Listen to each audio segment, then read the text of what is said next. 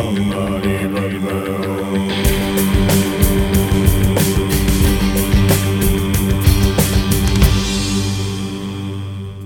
jednym z poprzednich odcinków, dobre kilkanaście tygodni temu, opowiadałem o toksycznym wstydzie, o uczuciu bazującym na koncepcie jestem gorszy, coś ze mną jest nie tak, nie zasługuję na zainteresowanie czy miłość. Mówiłem wtedy, że ten rodzaj toksycznego wstydu często jest nam implementowany w dzieciństwie, kiedy nasi opiekunowie, rodzice, nauczyciele czy rówieśnicy, oceniając to, jak się zachowaliśmy, zmieniają koncept to, co zrobiłeś, na koncept to, jaki jesteś. I właśnie ten drugi schemat zostaje nam winkorporowany na tak głębokim poziomie, że w końcu zapominamy, że to jedynie socjalizowana idea i internalizujemy ją jako ideę własną. To wszczepione w dzieciństwie postrzeganie nas samych niesiemy potem przez resztę życia, czując się gorsi od innych, mniej wartościowi, mniej pewni siebie i w końcu również nie zasługujący na nic dobrego, zarówno jeśli chodzi o życiowe zdobycze, jak i atencję innych. Jak pamiętamy, z takim toksycznym wstydem jest nam dość trudno sobie poradzić, co skutkuje wieloma destrukcyjnymi zachowaniami w stosunku do samych siebie i niestety również w stosunku do innych. Dlaczego zaś wracam do tego tematu? Z bardzo ważnego powodu. Otóż źródła toksycznego wstydu nie pochodzą wyłącznie z dzieciństwa, ale są też obecne w naszym dorosłym życiu i często nie zdajemy sobie sprawy z tego, jak negatywny wpływ na czyjeś życie możemy wywrzeć za pomocą niby niewinnych, a czasem celowych i jak najbardziej winnych zachowań, w efekcie których czyniona jest taka sama, jeśli nie większa szkoda niż ta przywleczona z dzieciństwa. I dzisiaj, żeby zobrazować te mechanizmy wyjątkowo i z premedytacją, Posłużę się prawdziwymi przykładami, Was zaś proszę, byście spróbowali poszukać tego, co te wszystkie przykłady łączy. Przykład pierwszy. Po ostatnim mini wykładzie o milczącym problemie mężczyzn otrzymałem sporo maili i to od obu płci, widzących tenże problem z różnych perspektyw, ale też nie potrafiących sobie z nim poradzić w swoich związkach. W jednym z maili, a to wcale nie odosobniony przykład, czytam, co następuje. Bardzo często słyszę od żony: Co z ciebie za facet, jak nie potrafisz się sprzeciwić swojej matce? Co z ciebie za mężczyzna, jak nawet nie potrafisz zarobić na porządny samochód? No nie mów, że ty taki wrażliwy jesteś, zachowujesz się jak ostatnia cipiś. Przykład drugi. Kilka lat temu w pewnym amerykańskim uniwersyteckim akademiku dowcipni koledzy namierzyli, jak jeden z nich zamyka się w pokoju i masturbuje, oglądając porno. Postanowili mu zrobić psikusa, wyczekali na odpowiedni moment i wpadli do tego pokoju z włączonymi kamerami, nagrywając całą akcję, po czym natychmiast umieścili filmik na YouTubie, żeby reszta uczelni i świata też mogła się z kolegi onanisty pośmiać. Przykład trzeci. Słyszeliście o tak zwanej fuksówce w szkołach teatralnych, o której obecnie w mediach zrobiło się głośno i która polega na dręczeniu, poniżaniu, a często też molestowaniu młodszych koleżanek i kolegów w trakcie zajęć, i to zarówno przez rówieśników, jak i pedagogów. Otóż lata temu, zanim jeszcze rozpocząłem pracę dziennikarza, zajmowałem się impresaryjną organizacją spektakli teatralnych. Przez kilka lat poznałem wielu aktorów grających w tych spektaklach i często zdarzało się, że po przedstawieniu świętowaliśmy dobrze wykonaną robotę w piwnym pubie.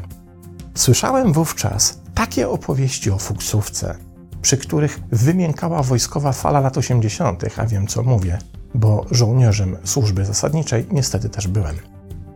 A zatem to, o czym dzisiaj możemy przeczytać w mediach ze skruszonych wypowiedzi niektórych dręczycieli i ich ofiar, to tak naprawdę zaledwie wierzchołek góry lodowej, festiwali odbierania komuś jego godności oraz poniżania na oczach innych.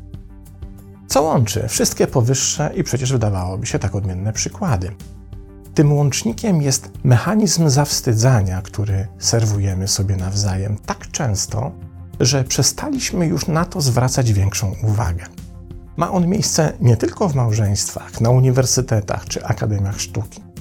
panoszy się również w firmach, szkołach, restauracjach, super i hipermarketach, partiach politycznych i wśród najlepszych koleżanek czy kumpli. Jest wszechobecny i niestety zbiera dokładnie takie samo destrukcyjne żniwo jak kreacja toksycznego wstydu w dzieciństwie. Jednak tutaj to zjawisko, co wydaje się już właściwie niemożliwe, jest jeszcze bardziej groźne. Pokażmy to na prostym przykładzie. Wyobraźmy sobie kogoś, kto chce zrzucić nadwagę. Zasięga więc porady specjalisty, z którym umawia się na regularne wizyty, na których będą sprawdzane postępy i dokonywana ewentualna ewaluacja metody, czyli zgodnie ze sztuką. Tworzona jest dedykowana dieta, tygodniowy plan aktywności fizycznej oraz zasady pracy z umysłem nad skutecznym deformowaniem dotychczasowych nawyków i formowaniem nowych. Mijają tygodnie i specjalista dietetyk nie widzi najmniejszego postępu. Waga delikwenta ani drgnie, ale specjalista nie daje za wygraną i postanawia sprawdzić, co jest przyczyną takiego stanu rzeczy. Okazuje się, że i owszem, w trakcie wizyty w gabinecie podejmowane są ustalenia, pacjent współpracuje i rozumie, co się do niego mówi i czego od niego oczekuje. Cóż z tego jednak, kiedy po wyjściu z gabinetu dietetyka ten sam pacjent trafia z powrotem do środowiska, w którym normą jest obżeranie się niezdrowymi produktami, a aktywność fizyczna ogranicza się do sięgania po chipsy na kanapie przed telewizorem. Wizyta u babci ma zawsze ten sam przebieg. Zjedz jeszcze pączka, bo jak nie zjesz, to babci będzie przykro i przez ciebie umrze. Piątek po robocie nie byłby udany, gdyby nie pojawili się kumple z paletą piwa i kilkoma pudłami pizzy. W takiej sytuacji już się orientujemy, że starania dietetyka są psu na budę, bo pacjent i tak po wizycie w gabinecie wraca do środowiska, które za punkt honoru stawia sobie zawody w hodowli tuczników. A teraz przełóżmy powyższy przykład na walkę z toksycznym wstydem. Oto mamy pacjenta psychoterapii, który w trakcie psychoterapeutycznego procesu mierzy się z traumami z dzieciństwa i implementacją wstydu. Po czym wraca do żony i słyszy: Coś ciebie za facet, jak nie potrafisz? I tutaj wstawmy sobie dowolne oskarżenia. Oto mamy aktorkę i jednocześnie pacjentkę psychoterapii, starającą się pokonać swoje niskie poczucie wartości i patologiczny wręcz brak pewności siebie, która następnego dnia udaje się na teatralną próbę, gdzie jest przeczołgiwana przez scenę na oczach rozbawionych kolegów po fachu, gdzie pastwiący się nad nią reżyser krzyczy: Musisz pokazać ten ból, to upokorzenie, musisz pokazać te prawdziwe emocje. Aha, bo bym zapomniał, musisz też jeszcze pokazać cycki. Nie da się odtraumatyzować przeszłości, kiedy jest się nieustannie dalej traumatyzowanym w teraźniejszości. Moglibyśmy tutaj użyć cytatu, który przypisuje się Einsteinowi i którego rzeczywistym autorem był Matthew Kelly, autor książki The Rhythm of Life, i który brzmi: Jeśli zaczniesz oceniać rybę pod względem jej zdolności wspinania się na drzewa, to przez całe życie będzie myślała, że jest głupia. A teraz wyobraźmy sobie taką oto scenkę. Ściągamy rybę z drzewa i mówimy jej powyższy cytat. Ryba mruga oczkami i wykrzykuje zachwycona: No oczywiście, że też wcześniej sama nie skumałam tej zasady. Przecież nie jestem głupia, tylko to durne drzewo mi nie pozwala o tym zapomnieć. Potrzebuję wody, przestrzeni jeziora, rzeki, morza, tam dopiero odetchnę wolnością i mądrością. Po czym, po usłyszeniu tego rybiego expose, bierzemy i ponownie odkładamy rybę na drzewo. To nie może zadziałać. Kiedy zaś zostawiamy rybę na drzewie, to nie spodziewajmy się po niej, że pozbędzie się swoich problemów. Kiedy kogoś zawstydzamy, to nie spodziewajmy się, że się nagle pozbiera, przetrze oczy i powie: OK, biorę się za siebie. Bo skutek takiego zawstydzania będzie dokładnie odwrotny i zawstydzana osoba rozpadnie się na naszych oczach jeszcze bardziej.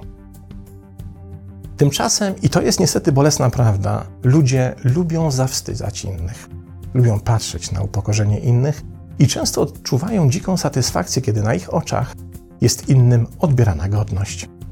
Zaś najlepszym przykładem tego, że mamy takie tendencje, jest popularność telewizyjnych show spod znaku roast, czyli programów, w których krąg prześmiewców ma za zadanie wyszydzić i upokorzyć bohatera bieżącego odcinka. A zachwycona gawieć siedzi przed telewizorem i zaciera z radochy ręce, ale mu dowalił, ale go zniszczył, ale go zawstydził. Dr Daniel Grande, psycholog kliniczny z Chicago, z 25-letnim doświadczeniem w pracy nad relacyjnymi konfliktami w swoich licznych artykułach, wskazuje, że skutki współczesnego, dorosłego zawstydzania innych są katastrofalne dla ludzkiej psychiki. I co najgorsze, akt zawstydzania może trwać zaledwie kilkanaście sekund, ale te kilkanaście sekund wystarczy, by zrujnować czyjeś poczucie wartości, pewności siebie i autonomii na resztę życia. Grande wymienia tutaj trzy najpotężniejsze, udowodnione badaniami efekty doświadczenia zawstydzenia. Po pierwsze więc, ludzie dotknięci tym mechanizmem zaczynają wykazywać silne tendencje do stanów depresyjnych oraz lęków społecznych i niskiej samooceny. Do tego dochodzi ścisły związek pomiędzy zawstydzaniem a skłonnością do nałogów. Działa tutaj mechanizm uśmierzania intensywnych negatywnych uczuć przy pomocy używek, bo jak wykazały badania doktora Roberta Schwarza, twórcy psychoterapeutycznej metody systemu wewnętrznej rodziny, to sposób umysłu na ochronę przed bolesnymi emocjami, które w przeciwnym razie mogłyby prowadzić do samobójstwa. Po drugie, zawstydzanie prowadzi do swoistego paradoksu poczucia winy, w którym to poczucie zaczyna być tak duże i wyniszczające system, że w końcu pojawia się efekt obwiniania innych, powstały w wyniku nagromadzenia zbyt dużej ilości emocjonalnego napięcia, którego nadmiar w ten sposób jest usuwany z systemu. To z kolei mechanizm, na który zwraca uwagę Carol Lambert, autorka książki Kobiety z partnerami kontrolującymi. Mówi ona, że w sytuacji, w której wewnętrznego poczucia winy nie da się skorygować racjonalną oceną samego siebie, dochodzi do tak zwanej odpowiedzi obronnej w stylu to wszystko nie może być tylko moja wina, a zatem to również Twoja wina. I tutaj już łatwo się domyśleć, jaki będzie finał związkowej rozmowy, zaczynającej się od takiej obrony, nawet kiedy ten mechanizm obronny jest jak najbardziej uzasadniony i trafny. Po trzecie, badania naukowe wskazują potężny związek poczucia wstydu wywołanego przez zewnętrzne zawstydzenie z przemocą. Dzieje się tak u osób, które są niestabilne lub bardziej wrażliwe emocjonalnie. Wówczas wobec natężonego wstydu sprowokowanego zawstydzeniem reagują gwałtownie, rozładowując swój wstyd, zadając cierpienie innym. Dowodów na słuszność tej tezy nie trzeba długo szukać. Wystarczy się przyjrzeć częstym motywacjom nastolatków, które po doświadczeniu zawstydzenia sięgają po broń i strzelają czy atakują rówieśników, i to nie tylko w amerykańskich szkołach. Tylko te trzy powyższe efekty zawstydzania pokazują, jak potężną, negatywną i destrukcyjną moc może mieć taki mechanizm. Co zatem zrobić? Jak się przed tym zjawiskiem bronić? Otóż najlepiej zacząć od tego, by się na chwilę zatrzymać i zastanowić, czy sobie jednak nie odpuścić i nie zrezygnować, kiedy przyjdzie nam ochota na nawet najmniejsze i wydawałoby się żartobliwie niewinne zawstydzanie innych. Pozdrawiam!